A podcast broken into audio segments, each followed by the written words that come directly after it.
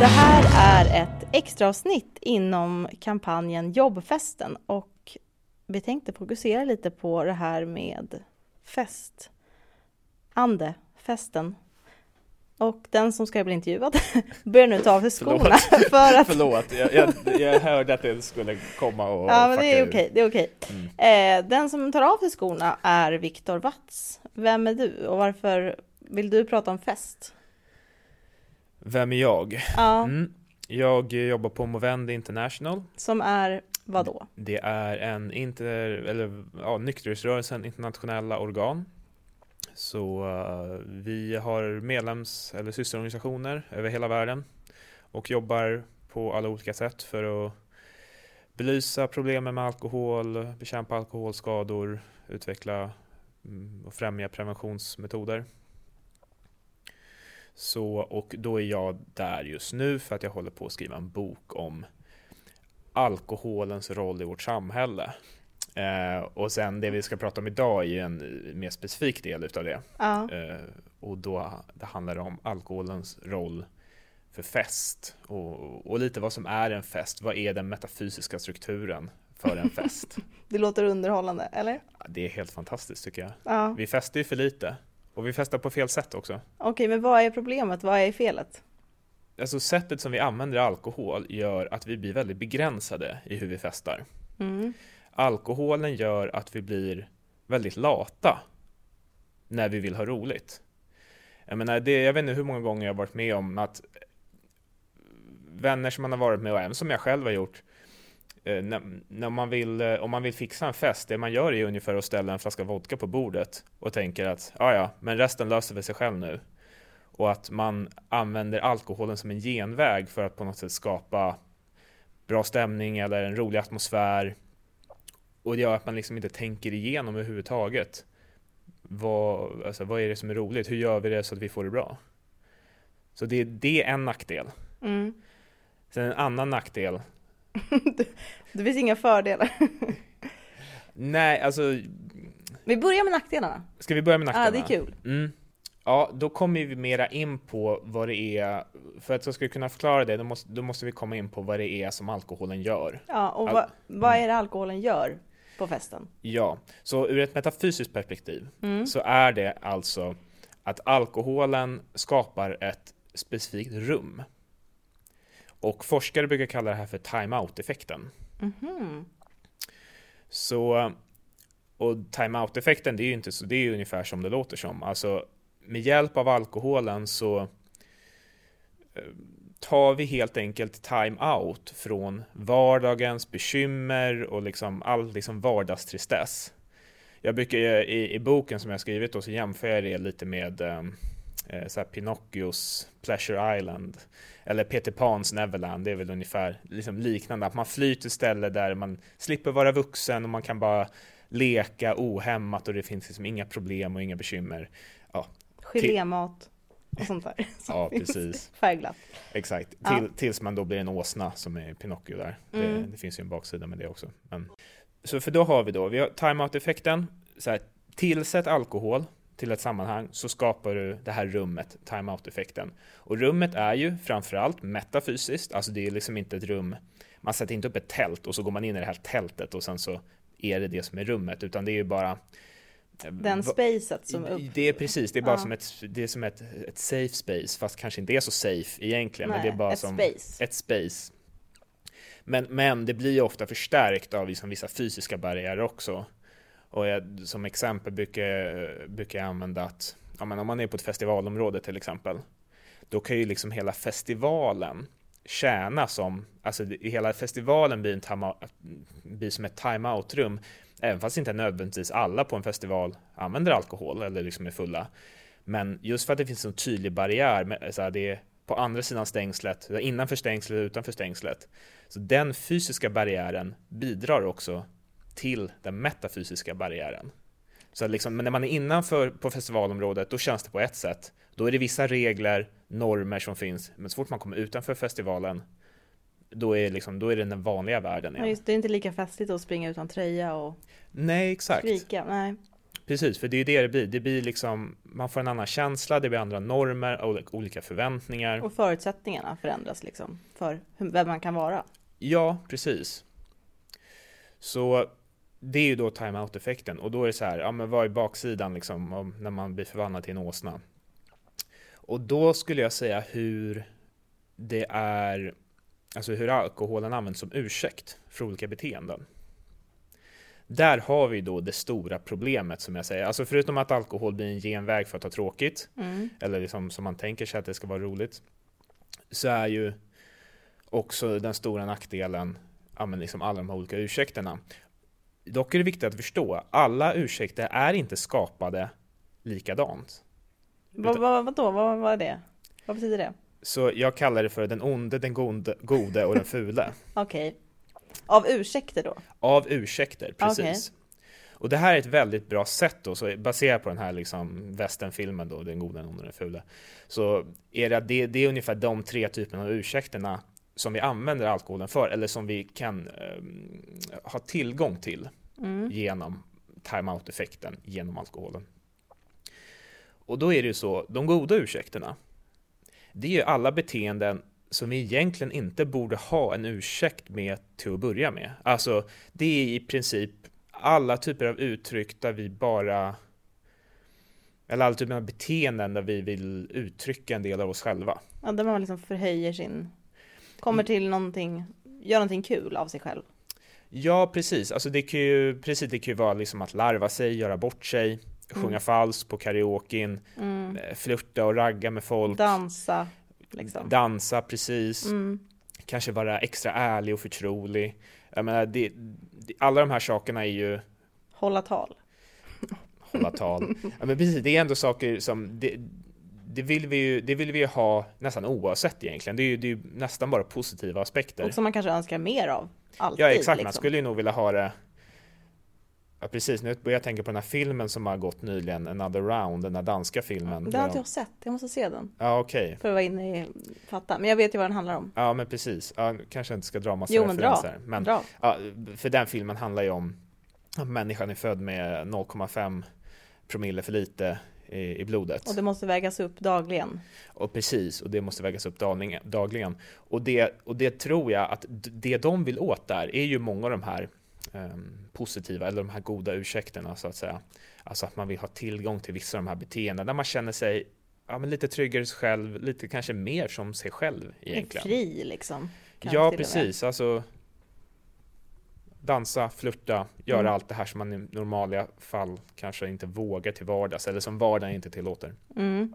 Och, men det är de goda? Det är de goda ursäkterna. Mm. Uh, och det skulle jag väl säga på något sätt fördelen inom citationstecken med alkoholen, att det blir liksom ett sätt att få tillgång till de här. Men det har ju då ett pris och det är ju att vi får, uh, vi tillåter ju också de onda ursäkterna.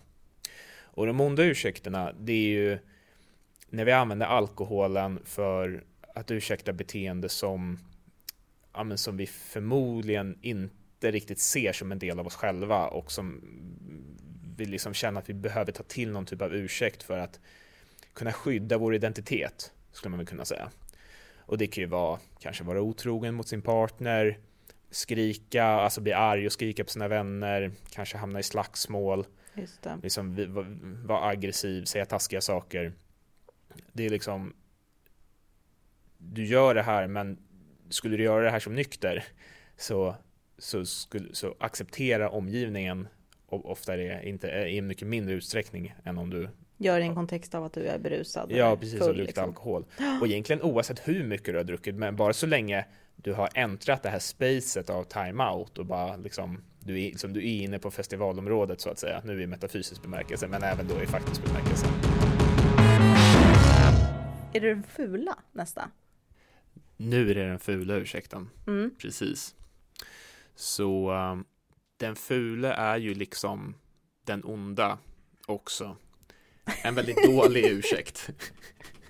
Det är ju det är på samma, det är på samma sida av spektrat. Ah, men, men, men skillnaden med, med, det fu, med den fula är ju att det är ju Just det, den onda är liksom aggressiv och Ja men exakt, det är sånt som är det är dåligt, eller det är osoft beteende. Mm. Men det är kanske liksom inte några direkta lagbrott eller sådär. Mm. Medan den fule, det är ju då när det handlar om kanske faktiska lagbrott. Alltså då pratar jag om sexuella trakasserier, våldtäkt, misshandel. Okej. Okay. Alltså, och det, jag tycker att det är viktigt att särskilja det från att liksom vara en oskön typ eller att vara otrogen. Mm. För det är ju liksom en helt annan typ av kategori av ursäkter mm. jämfört med det. Mm. Och det är väldigt viktigt att förstå att alkoholen eller alkoholursäkten används ju för det här också. Det. Så alkoholen mm, mm, tillgängliggör alla de här typerna av ursäkter. Medan det, och det är det som jag skulle säga problemet med, alltså jag, jag har ju egentligen ingenting emot, jag tycker ju att time-out-effekten som sådan är ju fantastiskt. För det, det, låter ju som någonting som man vill vara med på själv, tycker jag, ja, när du ja, pratar ja. om det. Man bara, åh, ta mig dit nu. Exakt, ja, men, och det är det jag sa, som, så här, jag tycker om att vi festar och att vi, att vi festar för lite. Mm. För att jag tror att vi alla vill ha och behöver time-out-effekten i våra liv på olika sätt. Och nu är det såklart så att det inte bara eh, det är inte bara alkoholen som kan ska man säga, inducera en timeout-effekt. Jag menar, jag har ju känt liknande om jag varit på en konsert eller en spelning eller liksom andra sociala sammanhang där det har, det har funnits lite andra normer men liksom alkohol har inte varit det som har knutit oss samman. Då kan jag ju fortfarande uppnå det här. Men poängen är fortfarande att det är ju någonting som vi behöver. Men återigen nackdelen med den alkoholfaciliterade timeouten är ju att vi vill ju ha tillgång till det här goda men vi får det fula och det, och det onda, onda på köpet. Mm. Och det är det som jag tycker det är så himla viktigt att förstå att vi behöver inte göra, ha det på det här sättet. Alltså, vi behöver inte godkänna det här onda och det fula. Men, och, men försöka behålla det goda så att säga. Men hur är det man, hur, om du, om du säger att det som, att sätta en vodka på bordet, den, mm. den öppnar upp det här spacet. Vad, vad, finns det för någonting annat om man ska liksom försöka bredda det eller om man vill påverka det till någonting annat? Vad kan vara den flaskan, om inte mm. flaskan? Kan det vara en annan flaska med ett annat innehåll eller är det helt mm. andra saker? Ja, precis. Så det, det som folk brukar tycka är liksom, ska man säga, eh, signifikanta element för en fest. Det brukar ja. ju vara någon typ av, någon typ av musik, och någon typ av dans. Mm. Så att liksom, om de två sakerna finns så gör det. Det låter ju så tråkigt när man, när man pratar ner det. det. Är helt sjukt att det låter inte roligare än vad det är. Men det är exakt. Ja, men det. Det är det jag tycker är kul. Mm. Ja, precis.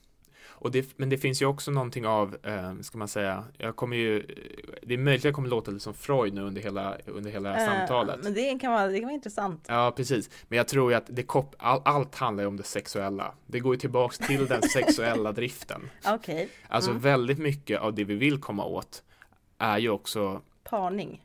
Ja, alltså om inte liksom rena sexuella utspel så, ja. så um, eh, alltså flörtande sexuella anspelningar, att liksom ha tillgång till kroppen liksom. Ja, ha tillgång till eh, det romantiska spelet kanske jag ska säga. Mm. För det är ju väldigt, det är ju inte så många tillfällen, eller jag ska säga, det är inte så många arenor eller tillfällen i livet där vi kan flirta så ohämmat som vi kan göra på en fest, alltså göra det med gott samvete. Mm. Alltså så här, det finns ju alltid de där som har försökt flirta i ICA-butiken och Fikarummet. Ja. ja, precis, men det är inte alltid. Det, nej, precis, det ska vara det mycket ska till för att det ska Mycket ska till för att det ska bli en accepterad kultur. Ja. Så att säga. Och jag tror att många också skulle vilja ha många arenor kanske fria från så här, jag vill inte få massa sexuella anspelningar när jag är på jobbet utan jag kanske bara vill få jobba i fred mm. utan att behöva oroa mig för det. Samma sak om jag jobbar i en ICA-butik. Jag vill inte att varje kund ska fråga mig om mitt nummer bara Nej. för att jag sitter där. Nej. Det är också, så det är en, liksom en rimlig konstruktion som vi har. Men det som, återigen, det är det som är poängen att eh, alkoholen hjälper att, att skapa det här eh, sexualiserade sammanhanget mm. som jag tror väldigt många. Men vad, vad består då en fest av? Vilka, vilka beståndsdelar är, bygger en fest? Vilka är cellerna? Just det. Ja men precis, som jag förut talade om andan i festen, Ja, som det. liksom time-out-effekten, Mm. så har vi också ett sätt att mera, vi kan, ska man säga, mer konkret eller praktiskt förstå festen också. Dess konstitution, skulle man också kunna säga. Ja. Uppbyggnad, beståndsdelar. Så då brukar man dela upp det i liksom tre delar. Det är planering, genomförande och efter postproduktion eller liksom eftersnacken, minnen och liksom dokumentation av liksom, eh, tillfället. Och återigen, beroende lite på, det här skiljer sig, som vi liksom, nu har vi pratat om det, men det skiljer sig mm, alltså, mellan subkulturer, alltså liksom hur man tycker om att festa. Jag menar, vissa som alltid går på rave, jag menar de har ju liksom en väldigt tydlig struktur för hur de festerna ser ut, så det är liksom det är inte applicerbart överallt. Men jag upplever ändå att det är så pass allmängiltigt att det ändå passar i väldigt många fall. Mm. Eh, Och så här planeringen, det är ju egentligen exakt vad det låter som. Men poängen med det, och det hör också samman lite med eh, den sista fasen som är liksom minnen, men i planeringen av en fest så har vi en möjlighet att redan på förhand eh, uppleva festen. Det är liksom, man kan säga att vi lever i någon typ av nextopia. Mhm. Och ehm, Förväntan liksom. för Ja, exakt. Det är liksom förväntanssamhället. Alltså Mm. liksom det är, jag tror att mm, om, när man, om man har planerat, om man nu är en av de få som har en betald semester här i livet, så Mm. kan det ju vara så att man att, pla- att få planera sin semester och liksom att så bestämma, ja men vilka resmål ska vi gå på, på den grejen, besöka den gården. Det kan nästan det ger ju inte mer än själva upplevelsen, men det, ger, det bidrar, det blir nästan som att man får uppleva semestern dubbelt upp. Så här, först planerar man och för, föreställer sig hur det ska bli. Mm. Och det, ibland kan det nästan vara liksom ännu mer fantastiskt. Fönstershopping liksom. Ja, men precis. Mm. Exakt, det är liksom förväntan kan ju nästan ibland vara bättre än själva upplevelsen. För i ens Ja. huvud så verkar det så mycket bättre. Ja, men verkligen. Och, och sen så genomför man det såklart. Men liksom, så den planeringen är väldigt viktig för festen. Ehm, och sen har vi då genomförande. Och det är ju egentligen precis som det låter som. Och sen återigen, beroende på vilken typ av um, tillställning det är så kan ju allt, det här kan ju vara allt från en halloweenfest till ehm, en inspark till ja, en avslutning, firmafest, whatever. Mm. Och här kommer då alkoholen in som en väldigt viktig meningsbärare, kanske man kan säga. För det som alkoholen gör i det här sammanhanget, det är att den signalerar din dedi- dedikation till festen. Mhm. Och det här hör ju då samman med alkoholnormen. För, och jag tycker om att förklara det på det sättet att eh, halloweenfest har man kanske varit på. Mm. Och hur brukar du, det, nu kan jag ställa en fråga Kerstin. Hur Mm. brukar du känna för att gå på en halloweenfest? Hur vet du, är du rädd ibland att du ska över eller underklä dig? På en halloween, alltså det är den här osäkerheten att ska jag spexa till mig Kommer folk ordentligt? verkligen klä ut sig för att man ska det? Exakt, alltså Mm. det är så här, man, det blir lite sårbarhet i det där. Mm. För, för man, man löper ju två risker, eller så här tre, antingen så går det ju perfekt, men man, man löper ju antingen risken att liksom underklä sig, så här, Mm. hur ofta har inte jag gått som civilsnut? Mm. Bara för att det är så här, jag, jag, jag vågar liksom inte dra på något festligt för jag är så rädd att så här, vara Det kan bli fel. Ja, liksom, jag, jag är den enda som klär ut mig till dopplereffekten eller någonting sånt. Ja. Jag var konsttjuv en gång och hade bara med mig en liten tavla. Det var gulligt. Ja, Ja. ja nej men jo, nej men precis. Så det är ju den ena risken att underklä sig, men sen har vi också risken att man överklär sig. Mm. Ansträngt sig för mycket liksom. Mm.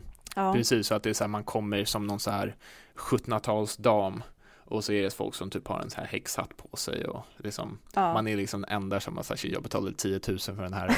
Ja. Nej, nej det, det är ju två väldigt Ja. jobbiga, Men ändå roligare att vara den tycker jag. mm, ja men det, det, Utifrån sett. ja men exakt, Mm. för det som det här, för det, det, och det har verkligen kopplingen till vad alkoholen betyder för festen i många fall. Mhm. Att alkoholen är så att säga din halloweendräkt när du kommer till festen. Mhm. För det den gör är att den signalerar hur dedikerad du är. Och det är därför det kan ibland vara så svårt att säga nej till alkohol. Alltså att det är, liksom, att det är väldigt många som vill övertyga dig, liksom, eller övertala och hetsa dig. Mm. Det är för att alkoholen bär mening, är meningsbärare på det sättet att den signalerar hur dedikerad du är.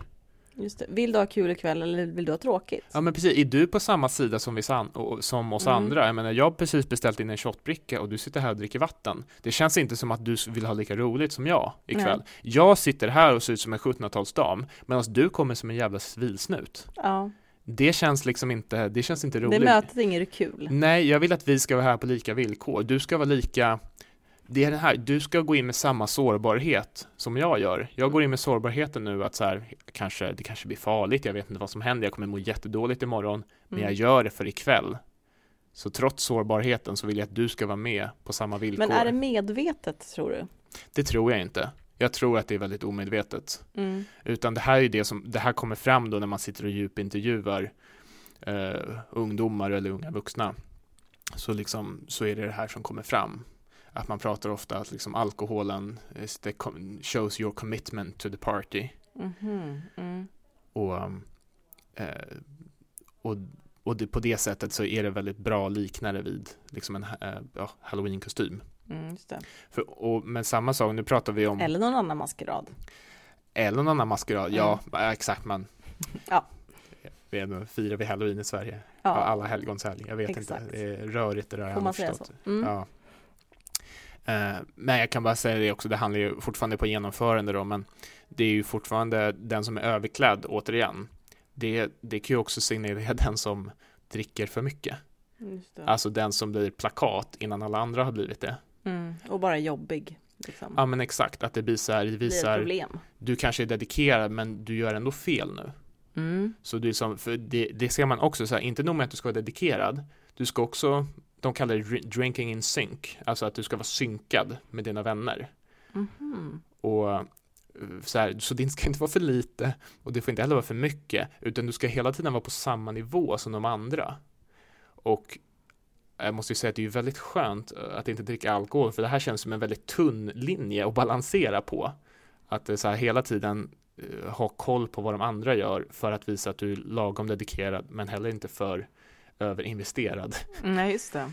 Mm. Um, så det är liksom, det, där, det är ofta det som alkoholen bidrar med liksom under den här genomförandefasen. Mm.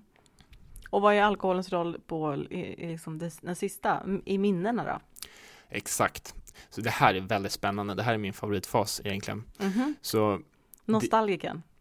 Ja, exakt. Jag kallar det för kung Midas-effekten. Okay. Eller, oh. eller göra avloppsvatten till vin. Det är beroende på. Uh, Vad innebär det här första? Vem är kungen? Kung Midas, det var ju, det är ju den här grekiska historien om uh, kungen som allt han rörde blev till guld. Vilket mm. gjorde att han slutsvalt ihjäl för att um, ja, han kunde Fick inte att käka. Nej, precis. Det är som allt, ja, allt bara blev till guld. Mm. Um, och poängen med det är att den här fasen är väldigt viktig för den, precis som jag sa i planeringsfasen, så är liksom att bearbeta minnena, alltså dokumentera det, och nu är det väldigt ofta med sociala medier, man sparar filmer, eh, bilder, lägger upp stories, att det blir också ett sätt att i efterhand genomleva det som du har varit med om. Alltså mm. du kan liksom recycla dina erfarenheter kanske framförallt liksom dagarna eller veckorna efteråt. Men jag menar i vissa fall så vissa minnen kan ju hålla för en hel livstid. Att det är så åh, minns du den där gången när, vi, när det här, det här och det här Eviga hände? diabilder liksom. Ja, mm. och det blir, det är en väldigt, det ska man, det är en väldigt viktig del och det är egentligen oavsett om alkohol är involverat eller inte. Det är en väldigt viktig del av en fest. Mm. Alltså, du skapar minnen för livet ibland, eller i alla fall du, du kan recycla den här erfarenheten i några veckor. Mm.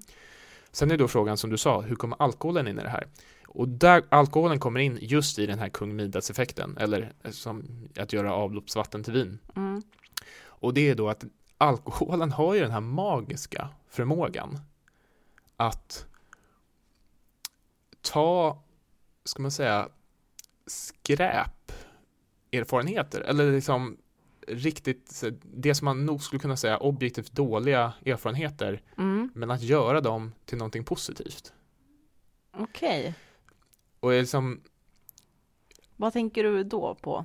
Ja men egentligen, det är så här det här skilj, kan också skilja sig lite mellan män och kvinnor, så det har man sett. Så, men, men liksom mer allmängiltigt kan det mer vara så eh, att alla de här dåliga erfarenheterna som att kanske ramla, slå sig, jag vet inte, råka jag vet inte, råka paja ett fönster på McDonalds och betala skadeståndet eller liksom tappa, tappa sin bricka med mat, alltså liksom bli av med plånboken, bli ficktjuvad. Åka åt fel håll. Typ. Och, ja, men åka åt fel håll. Ja. Alltså det som vi, i, när vi är nyktra i vanliga fall skulle betrakta som failure. Liksom. Ja, det är så här, vi vill oftast inte uppleva de här sakerna. Det är bara, vi vill bara undvika dem till största möjliga pris. Mm. Det kan vi med alkoholen rekonstruera som någonting positivt. Det blir liksom en källa till humor. Just det. Det blir så här, åh, kommer du ihåg den där gången, alltså du var så jävla full, du spydde ner hela toaletten och sen blev vi utkastade därifrån, sen blev, sen blev vi bägge av med plånböckerna, fan vilken kväll vi hade. Ja. Det kan ju liksom Det är liksom en sparkle. Det, det, ja, exakt, det blir mm. något, man, man skrattar åt det och det blir något kul. Mm. Och nu kan man ju... Är ganska avväpnande ändå. Att ja, få uppleva det. Precis, alltså, och jag kan ju till dess, ska man säga, till alkoholens försvar kan jag ju säga det är ju väldigt fint på något sätt att man kan få distans till ja. negativa erfarenheter. Men det, det som jag är orolig för är att vi att vi, att vi kanske i, i många fall skapar negativa erfarenheter för att det blir så jävla roligt. Mm. Eller liksom att vi liksom inte är medvetna om det negativa som det kan och föra med sig. bekostnad av vem liksom? Ja, också. och jag menar om folk tycker att det är så himla kul att rekonstruera dåliga erfarenheter som positiva, då kan man väl börja göra det i sitt vanliga liv. Mm. Jag menar, jag, som så här, jag kan ta ett fiktivt exempel som, ah, Kerstin, kommer du ihåg? Vi var på den där glassbaren, den nya glassbaren inne i stan, mm. över lunchen, som har italiensk glass. Och fy fan vad magsjuka vi blev. blev. Vi bara kaskadspydde hela eftermiddagen. Och inte nog med det, vi blev, med, vi blev rånade också. Ja, det var kul. Ja. ja nej, men det, alltså så här, ja. då kan man ju börja Go applicera it, det. Liksom. Ja, exakt, då kan man ju börja applicera det hela tiden. Ja. Men jag tror inte att, jag vet inte om det... Det är inte det man vill kanske. Det är ju inte det, det man vill egentligen. Liksom. Nej.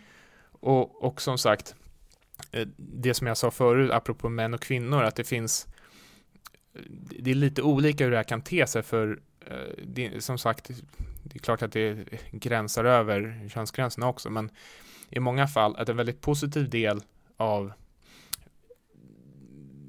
nu är, vi, nu är det i och för sig kanske som en blandning mellan genomförande och liksom efter konstruktionen, men eh, alltså många så negativa erfarenheter för, för många unga flickor i de här studierna som jag har tagit del av, det är ju att man får ta hand om sina vänner som mår dåligt. Mm.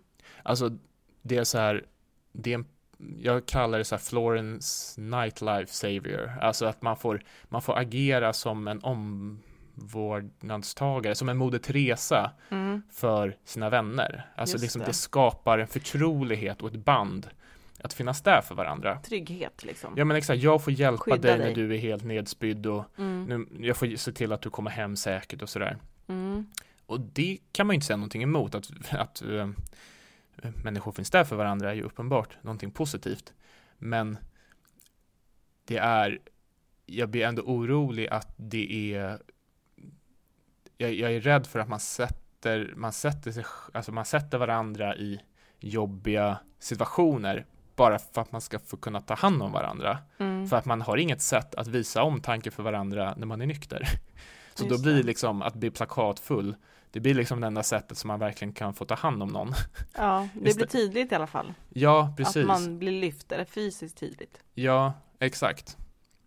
Och sen för män andra, eh, å andra sidan, eller för unga män, då blir det mer att man när folk, om man säger liksom samma sak, en polare har spytt ner sig, då är det mer att man använder det för att håna dem. Man tar bilder, man filmar, mm -hmm, skrattar åt mm. dem.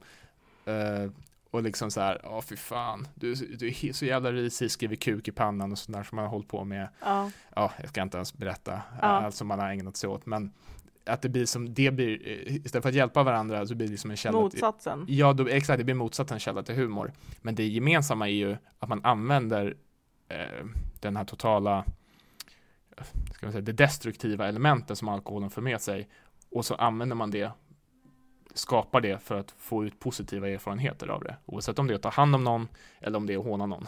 Ja, för att det blir typ bra på det ena eller andra sättet. För en själv då. Ja. Mm. Så um, Mm, exakt, så det är ju liksom festens beståndsdelar. Hur får man till det då? Mm. Alltså vilka andra Mm. komponenter finns det? Förutom musik och dans. Mm. Alltså, vi, vi skulle kunna göra en liten övning faktiskt. Ja. Okej, För, för, att, för att bättre svara på den här frågan. ja det blir Så kul. nu, så nu vänder jag micken mot dig istället, ja tack. Kerstin. Obehagligt. Ja. Ja. Ehm, så det vi ska göra nu, det är att vi ska tänka ut den sämsta festen. ja, Ja. Så nu vill jag att du bara ska liksom gå loss på det. gå loss på det. Alltså vad, antingen du kan använda av egna erfarenheter, men du kan också bara spinna loss totalt. Så Alltså- vad, eh, vad är en dålig fest för dig? Vad är några komponenter skulle du säga? Alltså det är ju då ett ljust rum. Ett ljust rum, så Mm. liksom vita bara väggar sittplatser. och bara sittplatser, inte ens, inte ens bara ståplatser. Nej, utan bara, bara sittplatser med liksom Kanske pallar. Ja, det kan det vara, men också så här djupa soffor där folk liksom bara sätter sig, sen hamnar Mm. de där. Alltså det finns liksom ingen rotation. Ja, just det. Jag gillar också trång, alltså tr- det ska vara trångt för att det ska vara kul. Så då, jag menar då ett stort upplyst rum Mm. med sittplatser som är jättebekväma. Och kanske gärna enskilda fåtöljer så att folk nästan sitter lite för Ja. sig själva. Fast det sjuka är att jag tror att jag skulle uppskatta själv att sitta i en fåtölj på en bra fest. Alltså typ Ja. sitta och kolla lite, alltså lite så här betraktarperson. Mm. Eh, men också få vara med på såklart, vara med och Mm. leka. Vara med i det sexuella spelet. Eh, nej men, eh, ja men alltså vara riktigt så dålig och väldigt för hög musik så att det liksom inte ens går att Just det. Det ska ju vara så högt så att man kan nästan prata skit om den som är några meter bort. Mm, Men det ska ändå vara så att man hör vad den som pratar skit om säger just det. bredvid en. Så man kan liksom. få en liten bubbla. Exakt, det ska Mm. finnas små bubblor men Mm. så väldigt hög liksom typ eh, musik utan någon form av takt. Mm. Eh, och ingen mat. Ingen mat. Inge, alltså inga snacks. Mm. Inget. Ja, alla kommer samma tid, alla går samma tid. Mm. Det Just det. låter som en trist fest. Precis. Det finns säkert ännu trista element som inte jag kommit på. Ja, men kanske inga, inga liksom andra aktiviteter att göra. Det finns Nej. liksom ingenting att titta på, ingenting att samlas kring. Nej. Nej, liksom, det är ingen som har ansträngt sig för att det ska bli trevligt liksom. Mm. Kanske Precis. inte ens, ja. Men det där det är ju alltså, det är kanske mer som ett konferensrum liksom. Just det, konferensfesten. Ja, Man, ja, nästan bara sitter runt ett bord där och om man vill egentligen vara till sitt hotellrum. mm. Den, den känslan är jag ute efter. Mm. Ja men det, det, alltså, jag det kan jag verkligen föreställa mig. Sen är det väl så här, sen går man ju, man, mycket när man tänker på sina egna festerfarenheter är ju liksom personer. Mm. Det är ju svårare att liksom generalisera men det är oftast kul när det är lite mer blandat. Att man kanske inte känner Mm. alla men man känner ganska många. Mm. Ja, men just det, precis. Så, ja, exakt, så en, en dålig fest kanske skulle vara massa människor som man inte känner som är väldigt osköna. Exakt. Mm. Det är svårt att nam- namnge dem på ett soft sätt. Det tänker jag att vi inte ska göra i, i det här avsnittet. Ja, nej. Men, Ja, men klarade jag min första uppgift bra eller? ja, nej men precis, eller exakt, för då är vi halvvägs och du har ju redan påbörjat Ja. det. För, jag menar, för poängen med det här är att så här, för du frågar vad gör en bra fest? Och jag menar, vi kan förstå väldigt mycket vad som Mm. gör en bra fest. Det är såklart också individuellt, som du Mm. själv påpekar, att du själv kanske skulle tycka om att sitta i en fåtölj etc.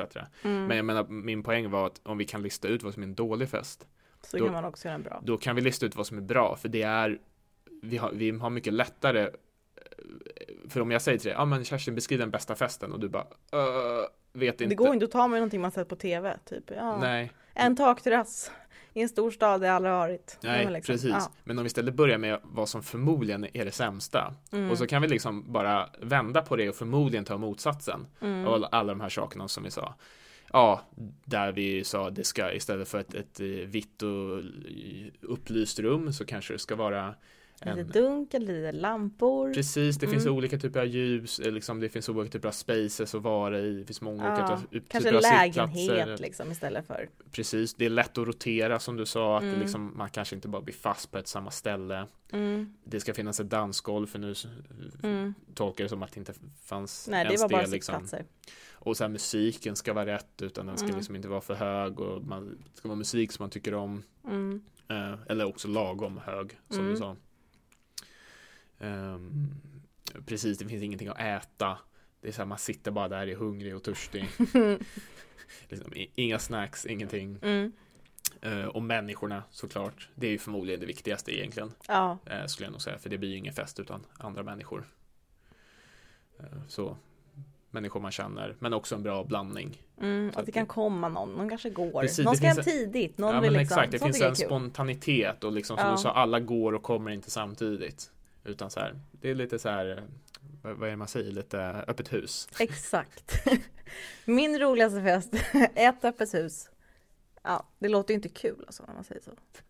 Det låter som att det är ett kalas som ingen vill komma på. Alla är välkomna. Mm. Ja,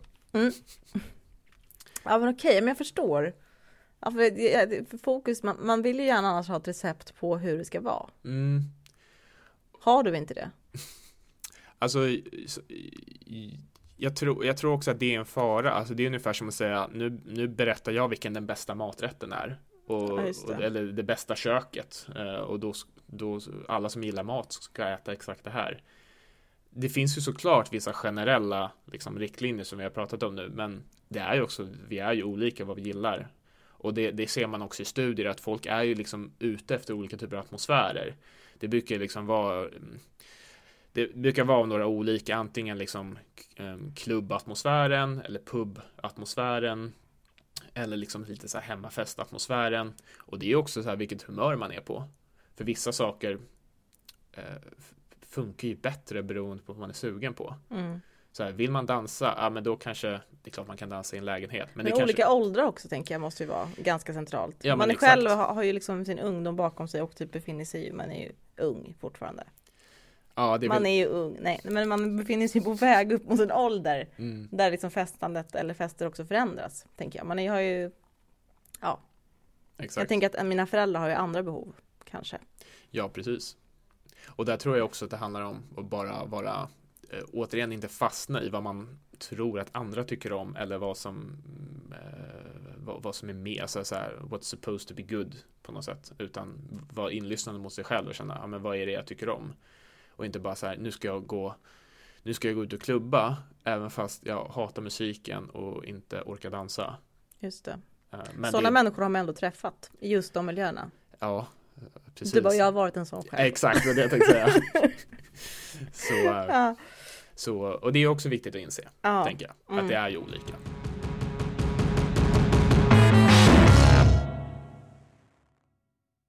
Hur, hur kan man liksom utmana alkoholen då?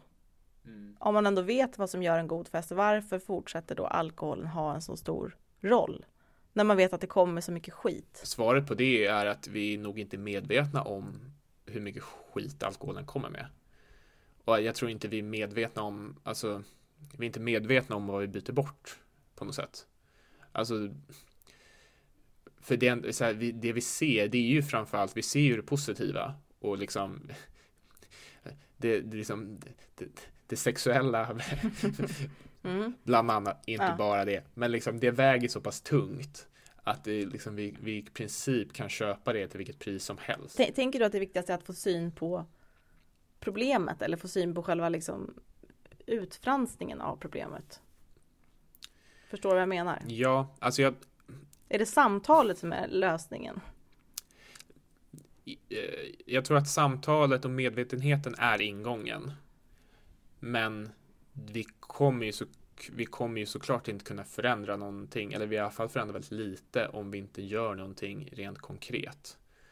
Och jag menar, eh, i min bok då så, så pratar jag ju lite om, jag vill ju släppa den här, för vi har ju ett annat problem, det har vi kanske inte kommer in på festen, men vi har ju ett problem att det finns en dikotomi mellan Och vad är det för någonting?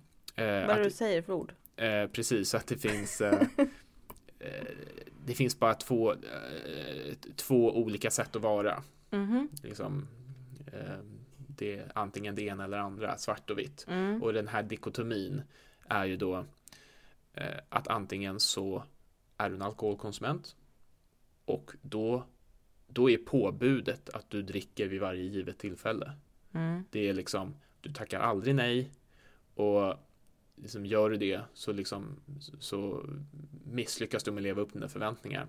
Eller så är du en nykterist eller någon som liksom aldrig dricker. Och det finns liksom ingenting däremellan egentligen. Vi, vi lever inte på en skala trots att människor uppenbarligen finns på en skala. Så är det att vi har eh, vi, vi lever i de här två polerna. Och det tror jag, och det kopplar ju väldigt starkt an till, an till alkoholnormen. Att det är alkoholnormen som stipulerar att det ska vara så. Mm. Bestämmer här, alltså? Som bestämmer, mm. precis, mm. tack. att det ska vara så. Ja. För, för antingen är du en person som inte kan hantera alkohol och då behöver du inte dricka alls. Men de allra flesta kan hantera det i, i någon mängd. Så och då, då, bjuder du till varenda gång? Och liksom. då ska du bjuda till varenda gång. Mm.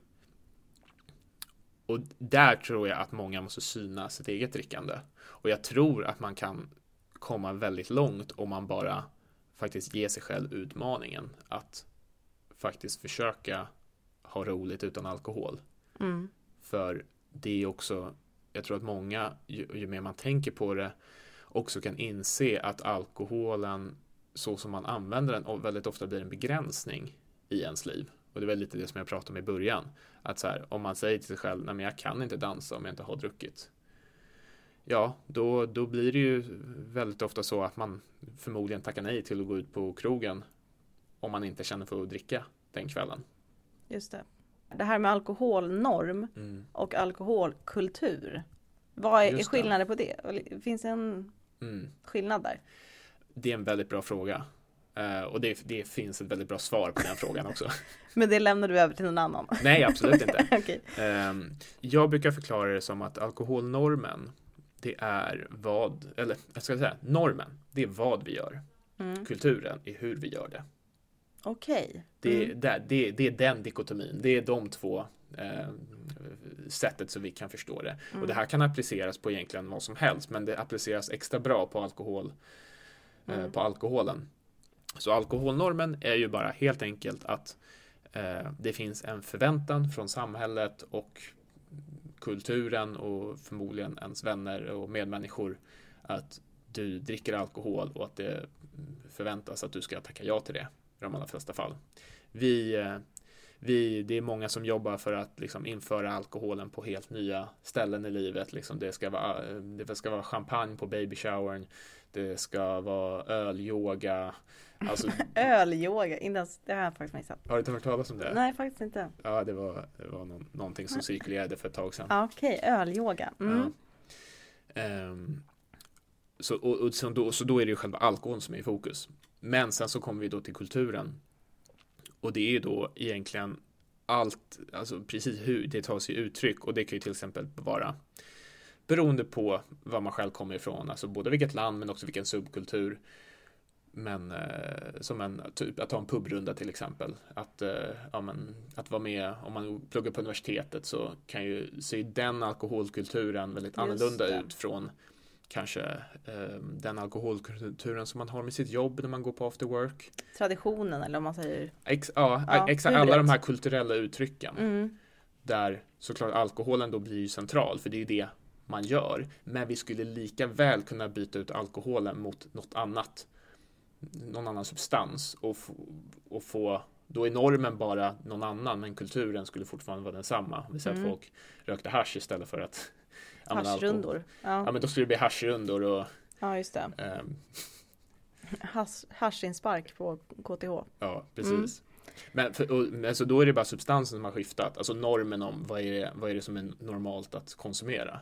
Mm. Men kulturen ser ju då olika ut. Kanske återigen beroende på om man är student, är du 15 år, bor i en småstad, är du medelålders man, jobbar Dricker på PR. Dricker till maten liksom, njuter ja, av den på, på terrassen. Liksom. Ja men ja, exakt. Ja, det är och lite som man pratar om mellan länder att det kanske finns, eh, kanske det här, det håller väl på att luckras upp lite, men att det finns en blöt och en våt alkoholkultur. Att, eh, runt eh, Medelhavet så dricker man eh, lite alkohol hela tiden och sen i nordliga länder så dricker man alkohol sällan. Drar på mer då? Ja, när men, det gäller. Men, men blir uh, mer berusad när man väl dricker. Mm. Som sagt, det håller på att luckras upp, men det är som ett exempel på att visa att även fast normen är densamma i båda de här kulturerna så, så ser kulturerna olika ut. Och hur kan man liksom använda det för att förstå en fest? För festen är ju då mer huret. Exakt.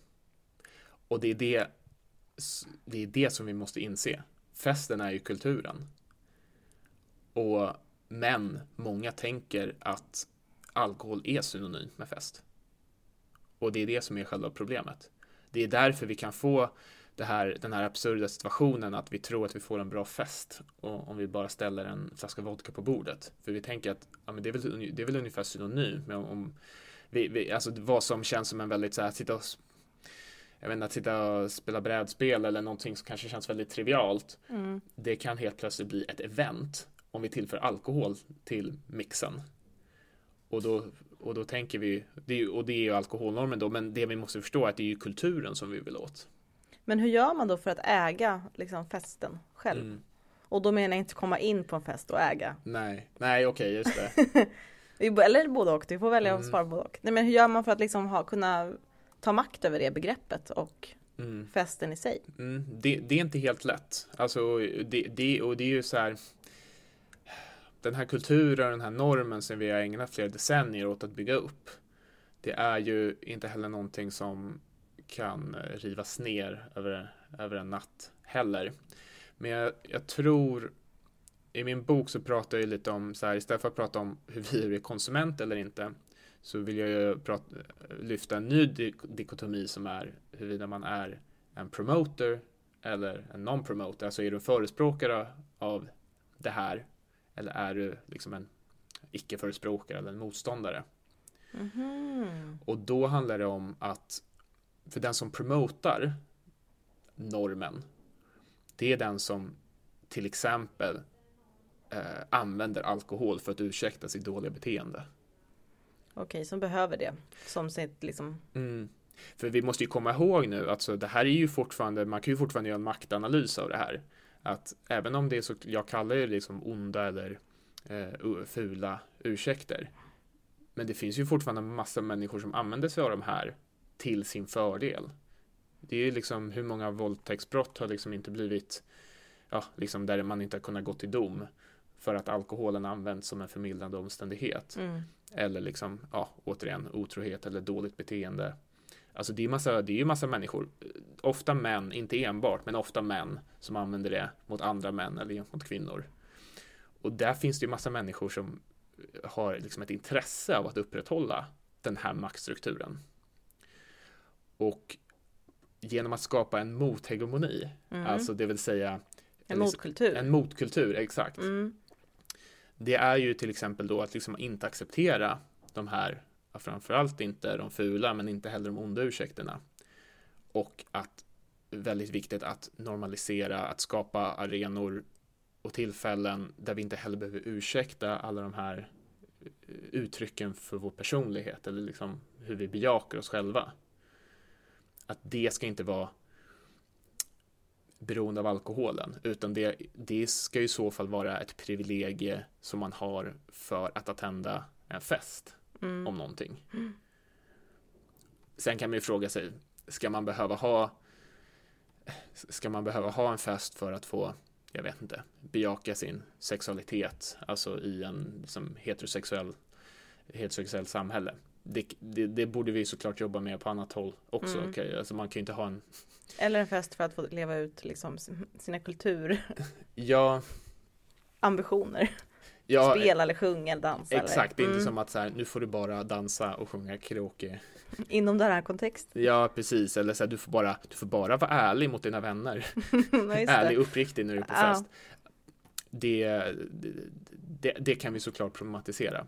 Men, men det kanske kommer ett senare steg i den här revolutionen. Det första är att, eh, att se till så att de här goda ursäkterna inte är ett privilegie av alkoholen utan ett privilegie av festen. Och hur gör man det? Inte acceptera de här dåliga ursäkterna. Så markera mot dem då? Liksom, eller ja, men exakt. Rent alltså- politiskt alltså, och privat? Eller? Ja, precis. Alltså, det blir framförallt privat, beror på hur man... Det är klart man kan jobba politiskt mot det också, men jag tänker att det är så som vi är nu, det är ju att vi möter varandra på den sociala arenan, på andra, på fester och så. Så det är där det är där vi kan bedriva den här motkulturen också. Men det spelar ju ingen roll hur många debattartiklar jag skriver om jag inte kan eh, påpeka det här när jag väl ser det framför mig med, med mina egna ögon. Men jag tror också då att eh, att faktiskt vid väl valda tillfällen inte använda alkohol.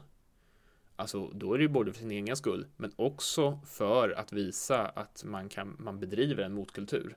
För vilken signal skickar du till din omgivning om du bara går ut och festar när du dricker? Om du så här, du, alltså, du stannar bara hemma när du liksom inte är sugen på att dricka alkohol. Då befäster ju du den här idén om att nej, det, det, alkoholen är verkligen synonym med festen. Med allt det som hör till. Och det är ju liksom det privata blir ju politiskt här. Det kan vi inte komma ifrån.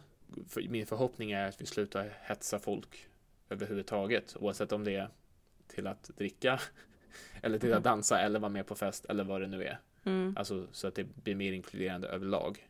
Men ser du ditt inkluderande samhälle liksom komma mot dig? Eller rusar du in i det? Eller hur ser du på framtiden? Jag är en early adopter. jag hoppas det i alla fall. Ja. Um, det, jag kanske inte ser att det rusar eh, snabbt emot mig, men, uh, men jag tycker mig absolut se att det, det börjar bli en skillnad. Alltså hur vi, hur vi pratar om alkohol, hur vi pratar om fest. Jag menar, vi har haft flera motkulturer, mothegemonier som har liksom poppat upp, i alla fall i Sverige till exempel. Det här med ja, men det, det olika nyktra nattklubbar som har kommit upp. Det här med att dansa på lunchen, lunchbeat, var Just ju någonting det. som kom upp som ett liksom väldigt så här, väldigt bra exempel på att belys, belysa det här. Att liksom man, med det kunde man frikopplade man ju helt någonting som var väldigt associerat med alkohol till att helt plötsligt inte vara det. Och att det var väldigt många som också var, alltså, som uppskattade det och var sugna på det. Just det. Så um, det finns en ljusning. Men um, det är ju fortfarande väldigt oroande siffror, liksom att det är många som hetsas, många som, alltså många som hetsar till att dricka. Uh, som säger att de har upplevt tjat. Och liksom en på tre har druckit alkohol bara för att slippa bli övertalad. Alltså liksom det, är ju, det här är ju fortfarande en verklighet som vi lever i, le, lever i mm. på många sätt. Så um, ja, vi har saker att göra. Du skriver en hel bok? Jag skriver en hel bok. Jag har skrivit en hel bok. Från A till Ö? Ja, det är ingen encyklopedi, men, eh, men eh, precis. Det, det är en uppslagsbok. Från ax till limpa. Från ax till limpa. Mm. Och när, när kommer man kunna nås av den och vad kommer den heta? Den är under, eh, jag har skrivit den nu så vi håller på och bearbetar um, exakt formen för det. Den kommer komma ut i år. Uh, vet inte exakt när. Men senare i år, för, förmodligen till hösten. Kommer det bli en releasefest då? Det känns ju som att det vore på sin plats, tänker jag. En väldigt utstuderad liksom. En, väl, en väldigt bra releasefest. Och det kommer bli så kul. Förväntningarna är... Då ska jag ta, ta, till alla, allting som jag har lärt mig. Ja. Alla mina teoretiska kunskaper och, inte en person kommer att ha tråkigt. Det är omöjligt. Ja, då är det på dem i så fall.